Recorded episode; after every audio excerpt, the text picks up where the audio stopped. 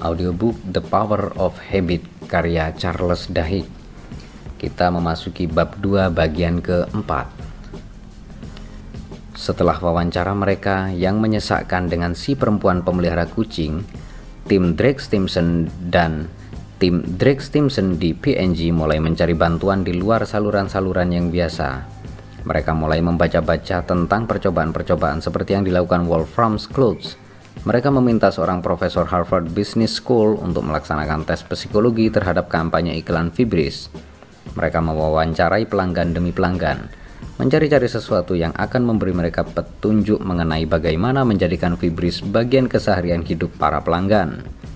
Suatu hari, mereka mendatangi seorang perempuan di daerah suburban dekat Scottsdale. Ia berusia 40-an dengan empat anak Rumahnya bersih namun kelewat rapi. Para peneliti terkejut mendapati ia suka sekali fibris.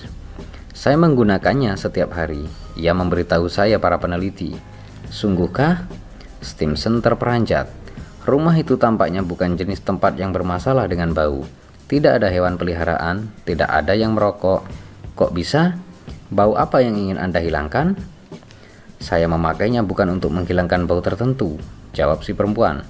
Maksud saya, Anda tahulah, anak-anak saya laki-laki semua, mereka lagi puber dan kalau saya tidak membersihkan kamar mereka, baunya bakal seperti loker sekolah. Namun saya tidak menggunakannya tepat seperti itu. Saya menggunakan Fibris untuk bersih-bersih biasa. Beberapa semprotan setelah saya selesai membereskan ruangan.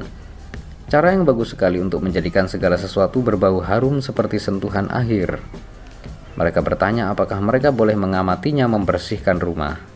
Di kamar tidur, ia membereskan tempat tidur, menepuk-nepuk bantal, mengencangkan ujung-ujung spray, dan kemudian menarik sebotol fibris yang menyemprotkannya ke selimut yang telah dirapikan. Di ruang keluarga, ia menyedot debu, memunguti sepatu anak-anak, meluruskan meja tamu, dan menyemprotkan fibris di karpet yang baru saja dibersihkan. Enak rasanya, ia berkata. Menyemprotkan ini rasanya seperti perayaan kecil setelah saya selesai membersihkan ruangan. Dilihat dari seringnya ia menyemprotkan fibris, Stimson memperkirakan kalau perempuan itu menghabiskan satu botol setiap dua minggu. PNG telah mengumpulkan video-video sepanjang ribuan jam yang merekam orang-orang membersihkan rumah mereka selama bertahun-tahun. Ketika para peneliti kembali ke Cincinnati, sebagian di antara mereka menghabiskan satu malam menonton video-video itu Pagi berikutnya, salah satu ilmuwan itu meminta tim Fibris bertemu dengannya di ruang rapat. Ia memutarkan satu video yang merekam seorang perempuan berusia 26 tahun dengan tiga anak sedang membereskan tempat tidur. Ia merapikan spray dan menata dan menata bantal. Ia kemudian tersenyum dan meninggalkan ruangan itu. Kalian, kalian lihat tadi itu tidak? Si peneliti bertanya dengan bersemangat. Ia memutarkan klip yang lain. Seorang perempuan berambut coklat yang berusia lebih muda sedang memasang spray yang berwarna-warni, meluruskan bantal dan kemudian tersenyum melihat hasil kerjanya. Itu dia lagi. Si peneliti, seru si peneliti. Klip berikutnya menunjukkan seorang perempuan berpakaian olahraga sedang membereskan dapurnya dan melap meja dapur sebelum meregangkan tubuh dengan santai. Si peneliti menatap kolega-koleganya. Kalian lihat? Ia bertanya. Masing-masing melakukan sesuatu yang membuat rileks atau senang setelah selesai bersih-bersih. Ia berkata, itu bisa kita manfaatkan. Bagaimana bila fibris adalah sesuatu yang terjadi pada akhir rutinitas bersih-bersih, bukan di awalnya? Bagaimana bila fibris adalah bagian asiknya pembersih, bebersih? Tim Stimson menjalankan satu lagi tes. Sebelumnya, iklan produk tersebut berfokus pada mengenyahkan bebauan tak enak. Perusahaan kini mencetak label baru yang menunjukkan jendela terbuka dan embusan udara segar. Lebih banyak parfum ditambahkan ke resepnya sehingga Fibris tidak hanya menetralkan bau, melainkan juga memiliki baunya sendiri yang khas. Dibuatlah iklan-iklan televisi yang menggambarkan perempuan yang menyemprotkan Fibris ke spray yang baru dibereskan dan pakaian yang baru dicuci. lain diubah dari menyingkirkan bau tak enak dari kain menjadi membersihkan bau kehidupan. Setiap perubahan dirancang agar menarik bagi satu tanda harian yang spesifik, membersihkan ruangan, membereskan tempat tidur, menyedot debu permadani, Pada setiap tanda, Fibris diposisikan sebagai ganjaran. Harum enak yang terjadi pada akhir rutinitas bersih-bersih. Yang paling penting, setiap iklan berkalibrasi untuk memicu suatu bentuk mengidam bahwa barang-barang akan berbau seenak penampilan mereka setelah ritual bersih-bersih selesai.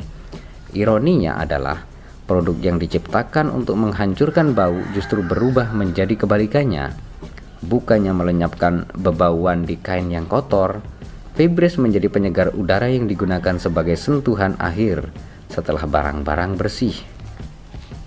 Ketika para peneliti kembali ke rumah para pelanggan setelah iklan-iklan baru ditayangkan dan botol-botol hasil rancangan ulang dibagikan, mereka mendapati bahwa sejumlah ibu rumah tangga di pasar uji telah mulai mengharapkan mengidam bau fibris. Seorang perempuan berkata bahwa Ketika isi botolnya hampir habis, ia menyemprotkan parfum yang diincerkan ke cuciannya. Sekarang, bila saya tidak mencium sesuatu yang enak usai mencuci, rasanya belum bersih. Ia memberitahu para peneliti. Si jagawana yang bermasalah dengan Sigung membuat kami menuju arah yang salah. Stimson bertutur kepada saya. Ia membuat kami berpikir bahwa Fibris bakal sukses dengan memberikan solusi bagi suatu masalah tapi siapa yang mau mengakui rumah mereka bau? Pandangan kami tentang semua itu salah. Tidak ada yang mengidam ketiadaan bau. Di sisi lain, banyak orang yang mengidam bau yang wangi setelah mereka menghabiskan 30 menit bersih-bersih. Peluncuran ulang Fibris terjadi pada musim panas 1998. Dalam dua bulan, penjualan berlipat dua. Dalam setahun, para pelanggan telah menghabiskan 230 juta dolar lebih untuk produk-produk tersebut.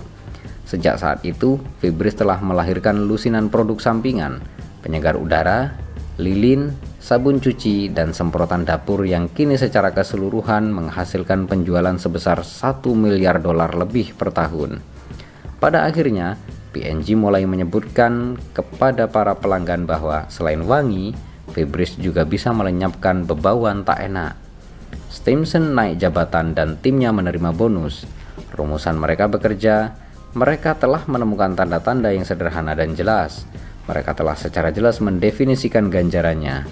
Namun baru ketika mereka menciptakan perasaan mengidam keinginan kuat untuk membuat segala sesuatu berbau seenak penampilannya.